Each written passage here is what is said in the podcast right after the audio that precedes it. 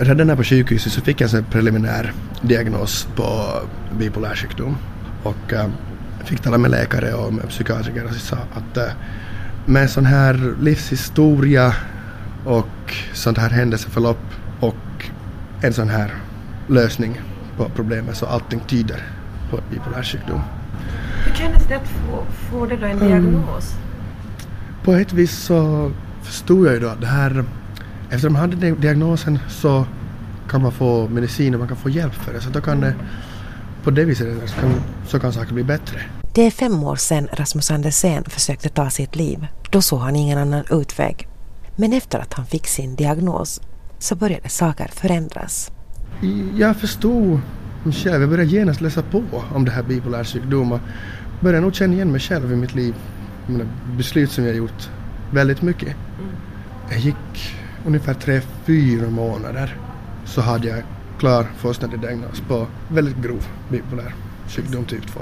Och äh, fick medicin för det och äh, efter det har jag mått äh, 90-95 procent av tiden helt bra. Mm. Jag kan leva ett väldigt, väldigt bra, väldigt fulländat liv nu. Med hjälp av den diagnosen, med hjälp av mentalvårdsbyrån, psykologisk, psykisk, psykisk hjälp och mm. medicin. Ja. Var det en lättnad att få ett namn på det? Ja, det finns någon hjälp att få? Um, ja, det var, det var verkligen. För idag ser ditt liv helt annorlunda ut ändå? Det är helt annorlunda, ja, verkligen. Du jobbar hårt och du är pappa också? Jag jobbar hårt. Jag har alltid haft, haft lätt att få, få arbete och uh, den här diagnosen har nog aldrig påverkat någonting, någon arbetsgivare mm. eller deras beslut att anställa mig eller inte anställa mm. mig. Så och, man behöver inte vara rädd att säga som det är? Nej, nej. Och i och med det här olyckan, bilkrocken, så jag förlorade min lägenhet som jag ägde för att jag fick ju böter och skulder förstås.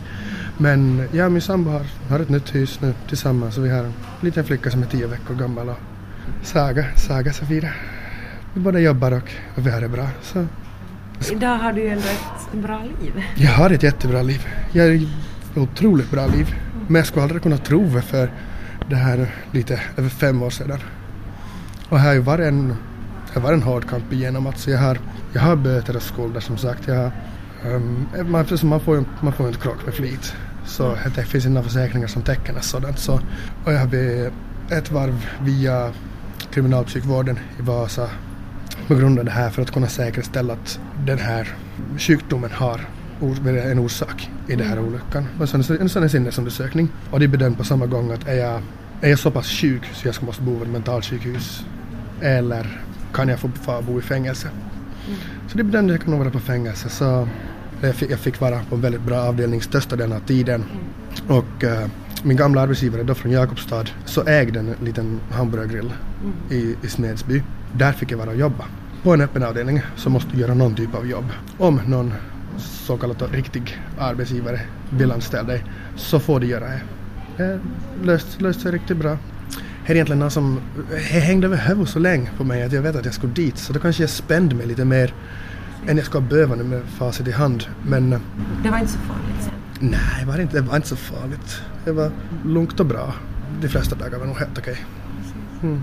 Mest var det tråkigt men inte något farligt på vis. Trodde du då att det skulle kunna bli så här och att du fick liksom en diagnos som idag så att idag har du liksom redskap och du vet vad du ska ta hjälp om du behöver det om jag förstår dig rätt? Att... Jag trodde som sagt aldrig för fem år sedan att jag skulle kunna ha så här bra i livet. Mm. Men klart jag förstår nu på samma gång att jag skulle kunna, jag skulle kunna ha redan då om jag ska förstå bara att ta som en annan, annan väg och inte, mm. inte fara och krocka i bilar. Någonting som måste ändras. Mm. För allting som jag önskar att jag skulle ha på den tiden, så det har jag nu. Och... Uh, Vad är det sakerna som du har idag som du inte Men det här, ett lugnt liv, ett ställe att bo på och någon att vara med. Jag förstår förstås det här med ekonomin i skick så kan jag ju inte säga att jag kanske har men att jag har inte problem att, att klara mig. Men skulle jag, skulle jag bara fara till mentalvårdsbyrån att det är bara liksom att gå in och säga att hej nu är det så här och jag mår inte bra. Jag trodde inte att det finns någonting som kunde, kunna hjälpa de här problemen som jag hade. Jag tror inte det finns någonting som kunde hjälpa upp min situation. Men man ska mm. söka Man måste. man måste våga, våga säga själv. Jag önskar att jag skulle ha gjort det. Att man, man får någon hjälpen. Men jag har fått den nu. Men på grund av det här, det här vad jag gjorde, så blev situationen ungefär hundra gånger värre. Före den blev något bättre. Det problem jag hade där på sommaren 2013 så känns, känns ganska små nu. När jag jämför hur det blev efteråt.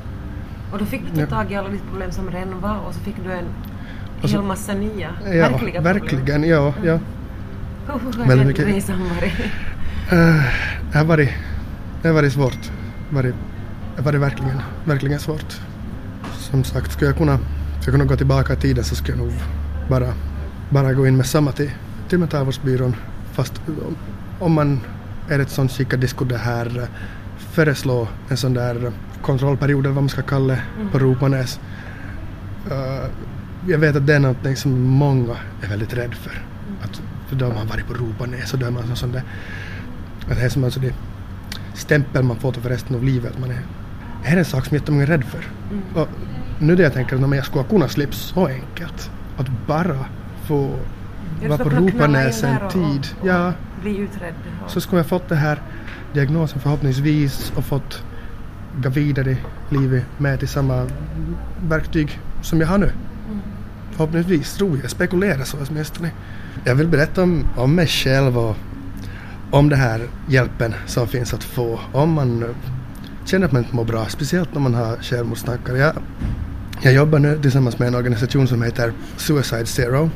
Det finns i Sverige. Vi har just eh, startat upp den i Finland och håller på nu och eh, jobbar med en hemsida. Det är bara jag och en, en från Vasa och två från Helsingfors som försöker nu starta upp det. Men vi ska nog, vi ska nog få, få igång det. Och vi jobbar aktivt för att det här förhindrar självmord och självmordsförsök. För att det är ju ett stort, jag måste säga ett samhällsproblem. Verkligen. Största riskgruppen så är uh, män 18 till tror jag 25 år. Och samtidigt så råkar ju det vara de som har svårast att tala om sina bekymmer. Och det kan, det kan vara vem som helst. Så oavsett livssituation så man vet aldrig vad den som sitter bredvid dig eller den som du möter på gatan tänker. Men är det sant det här att om man riktigt har bestämt sig så då berättar man inte åt någon och var du öppen för någon hjälp i det läget? Ib- Ibland kan det vara så, men det är egentligen en, en myt att de som hotar om självmord så kommer aldrig att göra det. Och de som aldrig säger någonting så är de som faktiskt är i riskzonen. Det ligger inte som nå egentligen statistik bakom som visar att det ska vara sant. Att det kan, det kan vara vem som helst. Det går ungefär 12-13 försök på varenda självmord. Det är någonting som man måste ta på allvar, verkligen. Du pratar öppet om det och... Men känns det viktigt idag just att upplysa människor om det här, att försöka hjälpa andra? Det känns jätteviktigt. Jag vill berätta den här min historia säkert hundratals gånger. Någon frågar till exempel att hej, hur fick du det där ärret? Och sen jag har faktiskt en tatuering på fingrarna där det står survivor. Och någon frågar, står det där, vad betyder det? Då har jag berättat. Och jag berättar helt öppet och jag brukar oftast få den här samma reaktionen. Det här är en ganska, en ganska otrolig historia. Och därför tycker jag att det är desto viktigare att okej, men att om man, om man kan fånga någons uppmärksamhet så betyder det att man kan få dem att bry sig, hoppas jag. Och om jag berättar åt dem kanske de berättar åt, åt någon annan.